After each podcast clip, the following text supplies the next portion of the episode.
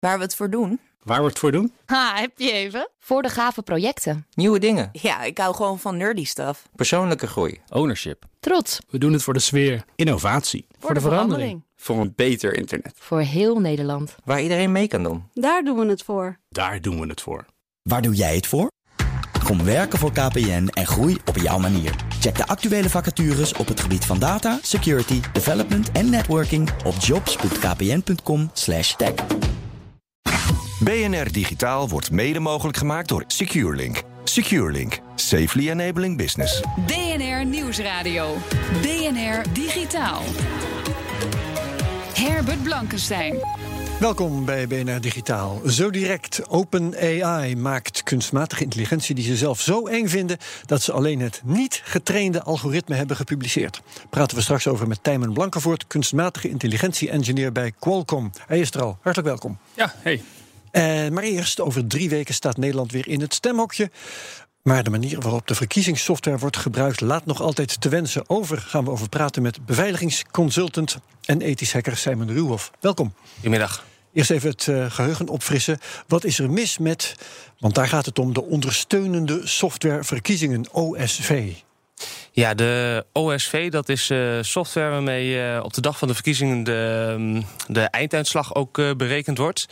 Dus we stemmen op papier met potlood. En dat wordt ook in de stemlokalen wordt dat handmatig opgeteld. En daar komt ook ja. wordt opgeschreven op papier. En, en dat wordt dan allemaal naar het Centraal Gemeentelijk Stembureau gebracht. En daar uh, zitten een paar mensen klaar die dan al dat papier weer in een computerprogramma invoeren. En dat computerprogramma dat uh, berekent dan wie, uh, wie gewonnen heeft in de gemeente en, en landelijk. Ja. En, en daar wordt vervolgens niet uh, handmatig nog nageteld of, uh, of, of het computerprogramma niet gehackt is. Dus die, die controle die ja, ook al twee jaar geleden ontbrak, vorig jaar ontbrak. Daar heeft men toch voor gekozen om dat dit jaar ook weer niet te gaan implementeren bij uh, alle gemeentes. Dus je moet, zeg je eigenlijk, als je die totale hebt, moet je die allemaal nog weer eens eventjes vergelijken met het oorspronkelijk aantal uitgebrachte stemmen, zoals dat door de. Uh, kiescommissies, hoe moet ik het zeggen, die uh, de stembureaus is aangeleverd. Ja, ja, ja. dus bijvoorbeeld in uh, Utrecht, waar ik zelf woon, daar heb je nou, 18 politieke partijen.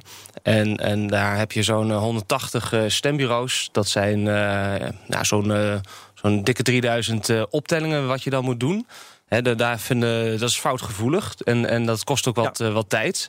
ik heb dat vorig jaar zelf gedaan voor één partij. Dat, dat, dat kostte me vier uur. Dus, dus het is op zich nog wel heel goed te doen. Dus het is helemaal niet zo'n enorme discussie waar we het over hebben. Alleen gemeentes willen er niet aan. Die zien daar de toegevoegde waarde niet van in. En de kiesraad... Die, is dat niet uit te leggen dan? Het is toch heel simpel dat je een check inbouwt? Ja, dat is, uh, is wel uit te leggen, maar dat komt niet aan. Omdat uh, men uh, papier vindt men ouderwets. En men ziet daar de toegevoegde waarde niet van in. En men heeft er eigenlijk helemaal geen, geen zin en capaciteit voor om, om ook handmatig optellingen te gaan doen. Terwijl we uh, in de rest van ons leven. de software overal... het al zo netjes doet. Ja, ja. ja. ja. En dat is die discussie die, uh, die gewoon heel lastig te voeren is. Omdat uh, men ja, niet goed bewust is van de dreiging op internet. En in Nederland is het zo dat de kiesraad heeft ook niet het zeggenschap over de uitkomst van de verkiezingen. De burgemeesters die zijn in controle, die zijn de baas over verkiezingen. En de kiesraad is daarin faciliterend en ondersteunend. Ja. Jij bent een paar weken terug op bezoek geweest bij de kiesraad. En dat was voor het eerst, terwijl je hier al jaren over de vloer komt bij BNN Digitaal om dit soort verhalen te vertellen. Was je voor het eerst bij de kiesraad? Is dat een doorbraak? Ja, ik, uh, ik vind van wel. Uh, uh, twee jaar lang heeft niemand vanuit de overheid contact opgenomen met iedere keer dat ik ja, me zorgen uitte over die onveilige verkiezingen die we hebben. En, en ja, tot een maand geleden de uitnodiging binnenkwam om daar langs te komen. En ja, de kiesraad die ver, ververst ook eigenlijk elke vier jaar. Dat is een tijdelijke voorzitterschap. En uh, dus, dus de mensen die twee jaar geleden weer allemaal daar zaten, die zijn inmiddels weer weg. Dus, dus er is een nieuwe lichting mensen die, die wel weer uh, ja, de, de problemen willen aanpakken. Ja, die zijn wat um, beter digitaal georiënteerd of iets dergelijks. Die zijn uh, veel meer bewust ook. En, en die hebben ook niet de fouten van de voorgangers die ze, waar ze verantwoordelijk echt voor zijn. Dus die willen, ja, die willen wat nieuws neerzetten, nieuwe software. Maar ze be, ja, beseffen ook, we, we kunnen hier nog niet vanaf. We zijn hier in 2009 mee begonnen. En we hebben niet zomaar andere, een andere oplossing. Daar wordt wel naar gekeken. Het gaat alleen heel langzaam. Ja. En ondertussen hebben we ook over drie weken weer verkiezingen. Die, uh, ja, die te hacken zijn. Want uh, een, een, computerprogramma bepaalt de definitieve uitslag. Kijk, en in Duitsland uh, gebruikt men dezelfde software van de, deze leverancier. En daar is de software levert nooit de definitieve uitslag op.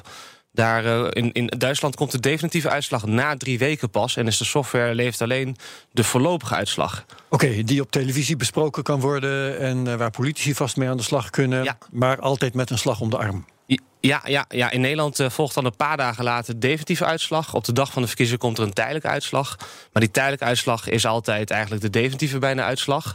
En uh, er wordt niks handmatig nageteld. En, en die, die shortcut, zeg maar, die we daarin nemen, dat is, uh, die is heel onverstandig. En, en we zouden eigenlijk naar Duits voorbeeld uh, gewoon. en, en wat we ja, al duizend jaar doen, zeg maar, gewoon op papier ja. stemmen en, en tellen. En dat dan ook gewoon leidend laten zijn. Is het dan wel eens een keer fout gegaan? Dat je dan echt een keer hebt gezien een geval in een kleine gemeente ergens of zo, dat ze net een misstelling hebben gemaakt en dat ze het dan hebben gecorrigeerd met de handmatige telling? Komt dat voor?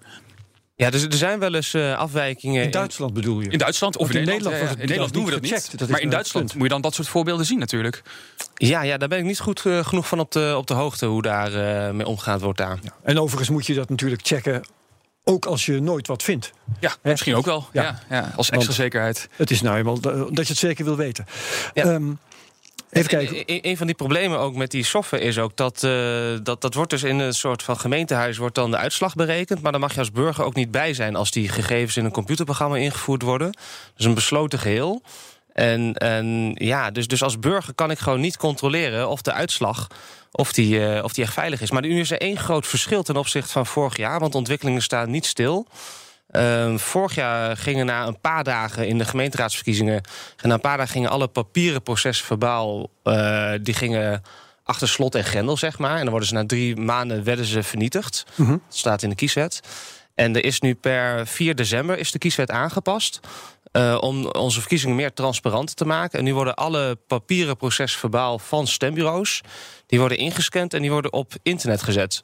Aha. En, uh, en, en nu hebben we dus niet meer twee dagen de tijd... om uh, als burger de verkiezingen te controleren. Nu kunnen we gewoon daar wat langer de tijd op voor nemen. Omdat ja, op internet alle gescand staan. En dan kan je zelf narekenen of, of OSV... of de optelsoftware of die niet gehackt is of foute berekeningen Oké, okay, dus dat betekent dat wat de gemeenten uh, nalaten, of wat, wat de overheid nalaat, namelijk uh, die hele zaak narekenen, hè, of de software hetzelfde resultaat geeft als met handmatig turven, zeg maar. Ja. Dat kunnen burgers nu zelf doen. Ja, ja absoluut. vorig jaar kon het ook, maar dan moest je fysiek naar het gemeentehuis toe. En dan was hem een paar dagen beschikbaar. Mocht dat is wat jij gedaan hebt. Ja, ja. En, en dan mocht je ook geen foto's nemen. Daar was men heel strikt op. En, en nu staan ze, worden ze eigenlijk direct online gezet. En dan kan je in je eigen gemeente, voor je eigen partij... Uh, kan je bijvoorbeeld controleren of, uh, of de telling ook klopt. En ik raad iedereen aan om dat eigenlijk te doen. Want ja, ik vind het ongelooflijk dat wij na twee jaar discussie hierover... Uh, dat ja, dat nog steeds volledig vertrouwd wordt op die software. Ja, en jouw punt is, als ik daar eventjes uh, naar terug mag grijpen... Uh, het wordt gedaan met software. Nou, software kunnen bugs zitten, maar het wordt ook gedaan met software die op PC staat... En die PC's die kunnen eerder voor iets anders gebruikt zijn. En er zou best wel malware op kunnen zitten. Bijvoorbeeld ja, uit Rusland, ja. om even een complottheorie te lanceren. Nou ja, kijk, weet je, die, die, sommige gemeentes hebben niet eens meer echt uh, hardware. Die hebben alles gevirtualiseerd. Hè? En, en uh, in, in het verleden hadden die gemeentes, was de optelsoftware ook op internet echt aangesloten. Dat hebben systeembeheerders mij verteld. Um, dus, dus ja, het is bring your own hardware, zeg maar. Uh, waarop gemeentes uh, de verkiezingsuitslag moeten berekenen. Dus het is, het is in Nederland zeg maar een allegaatje van computersystemen. En elke gemeente richt het weer net anders in. Met een net een andere besturingssysteem misschien, versie, browser. En, en, en ja, de kiesraad die, die heeft tien pagina's beleid geschreven. En dan, ja, maar, maar mag het ook niet controleren bij de gemeentes. Gemeenten zijn daar helemaal zelf, uh, mogen ze het inrichten. Ja. En, en ja, vind ik gewoon niet zo'n verstandig plan. Kijk, verkiezingen zijn een van, is bijna het belangrijkste proces wat we in het land hebben. Wie de macht heeft. En daar moet je gewoon heel zorgvuldig mee omgaan. Dan moet je zeker weten dat een, een democratie niet te hacken is. En dat, dat, die zekerheid hebben we nu niet. En die discussie die duurt uh, lang, maar de verandering komt wel. Alleen, ja, we hebben er nog wel geduld voor. En als burger moet je dan, denk ik, tot in de tussentijd... tot de overheid echt goed geregeld heeft, gewoon compenseren... en over drie weken ook eventjes online de scans downloaden ja, en natellen. Die gelegenheid die, die komt dus. Wat zou er gebeuren, kunnen we daar eens even heel kort over nadenken... in de laatste minuut, als jij of iemand anders die uh, het gaat doen... voor een andere stad dan Utrecht... Um, en voor, voor een andere partij dan jij het doet, een fout ontdekt. Van hé, hey, hier is een, uh, een, een verschil tussen de optelsom van de software en mijn optelsom. Ja, ja het is, um, in, in Nederland zijn er ook uh, deadlines. Uh, zijn er wanneer de verkiezingsuitslag echt definitief moet zijn. Bij Tweede Kamerverkiezingen is dat geloof ik vijf tot zes dagen na de verkiezing. Moet er echt een uitslag zijn. bij de gemeenteraadsverkiezingen was dat anderhalve dag na de verkiezing. Mm Um, en, um, maar mijn punt is, ja, dus gaat er dan geluisterd wordt naar de, de burger die aan het opstellen is geweest, of doen ze dat toch niet? Ja, nou dat doe je. Je kan eh, bezwaar maken tijdens de vaststelling van de uitslag door de kiesraad of de gemeente. En, uh, maar dan moet je wel binnen die deadlines blijven, zeg maar. Oh, dus, ja. dus, dus als je uitslag wil controleren en je wil dat er wat mee gedaan wordt, dan moet je dus daar uh, snel in zijn. Oké, okay, dankjewel Simon Ruhoff. We spreken elkaar ongetwijfeld nog binnenkort weer. Wie is er bang voor kunstmatige intelligentie? Misschien wel de makers van kunstmatige intelligentie. We bespreken het zo direct. BNR Nieuwsradio. BNR Digitaal. Ja, welkom terug. Kunstmatige intelligentie researchers van OpenAI ontwikkelden een algoritme voor een taalmodel dat zo goed werkte dat ze er zelf van schrokken. Gevolg, ze publiceerden wel het algoritme, maar alleen de niet getrainde versie. Gaan we over praten met Tijmen Blankenvoort, kunstmatige intelligentie-engineer bij Qualcomm. Ja, leuk je weer te zijn. Ja, Zeg dat wel. Um, Simon Ruhoff is er ook nog bij, dus als u nog een andere stem hoort, dan is hij dat. Uh, dit algoritme, Tijmen, is ontworpen door OpenAI. Wat voor club is dat? OpenAI is een researchclub, uh, geleid door een hele hoop uh, miljardairs die er geld in stoppen. Met als idee om AI echt een stap verder te helpen. Dus zij proberen AI op te lossen. En denken dat dat mogelijk is. En het open in OpenAI, dat zegt waarschijnlijk iets over de kennis die daaruit komt. Ja, de filosofie is dat op het moment dat jij uh, AI ontwikkelt die uh, eng is hè, of, of, ongelooflijk slim, dat we dat uh, openbaar maken, zodat iedereen dat kan checken en waar we een openbare discussie over kunnen hebben. Dus dat is eigenlijk het initiatief OpenAI. Ja, en nou is er dus een algoritme dat taal kan produceren die eigenlijk niet van menselijk te onderscheiden is. Tenminste, dat begrijp ik daaruit. Um, is dat een heel ingewikkeld algoritme? Ja, GPT-2, de techniek die erachter zit, is vrij ingewikkeld. Er zijn allemaal technische toeters en bellen aan vastgeplakt om dat beter te maken dan de modellen voorheen. Maar ik denk dat het grootste verschil met het model is dat het gewoon op tien keer groter is, op tien keer meer data is getraind als, uh, als vroeger. Wat dus betekent als er exotische taalpatronen zijn of onderwerpen die misschien niet al te vaak voorkomen, dat zo'n model er nu genoeg voorbeelden van heeft gezien om daarover mee te praten. Ja, um, wat zegt het nou dat de makers ervoor kiezen om dit niet compleet te publiceren? Is dat uniek? Um, ja en nee. Ik denk dat het eigenlijk best wel uniek is in de, in de AI-wereld op dit moment. Uh, gezien het feit dat zij natuurlijk open AI zijn. Ze proberen zoveel mogelijk open te maken. Ja. Dus uh, heel veel taalmodellen hier voorheen zijn gewoon openbaar gemaakt door, door. En er is nooit een discussie over geweest of het eng is of niet. Het is bizar dat je een organisatie opricht die zegt heel open te zijn. En werkt een keer iets goed. En dan publiceer je het juist niet. Ja, maar ik denk, uh, ik denk dat er wel een gedegen risico zit achter dit soort software. Dus even kort, wat doet die software? het is een taalmodel. Basically ik geef jou een paragraaf met tekst. Ik haal daar een woord uit. Kan jij voorspellen wat voor woord dat was? Dat is het model. Maar het wordt ook gebruikt om taal te genereren. Dus ik kan jou een begin van een zin van tien woorden geven. Of bijvoorbeeld een sentiment. Heb het over deze persoon met deze connotatie. En dan gaat hij automatisch heel veel taal genereren die daar iets mee te maken heeft. En op zo'n manier dat het grammaticaal en woordtechnisch gezien heel erg menselijk lijkt. Dat is wat het model doet. Nou ja, waarom is dit misschien, heeft het misschien impact op de, op de maatschappij? Je zou hier dus automatisch spam mee kunnen genereren. Misschien kan je hier automatisch mhm. fake nieuws mee genereren. Fake nieuws, ja, dacht ik ook aan. Maak honderden bots die uh, zeggen wat jij wil zeggen. Uh, die gaan Reddit af, die gaan op Twitter allemaal posts maken. En daarmee beïnvloed je bijvoorbeeld de politiek. Uh, dat is waarom de discussie nu opkomt. Dat is eng. Ja, en nou hebben ze de, de niet getrainde versie wel gepubliceerd. Oké, mooi. Maar dan is het toch makkelijk, zou je zeggen, om die niet getrainde versie te downloaden en hem zelf te trainen. Dan heb je alsnog datgene waar iedereen zo bang voor is. Ja, dat klopt. Uh, je kan ongeveer uitrekenen hoeveel GPU-kracht, hoeveel rekenkracht je ervoor nodig hebt in euro's uh, om dat model te hertrainen op Amazon. Nou, het kost ongeveer 50.000 euro.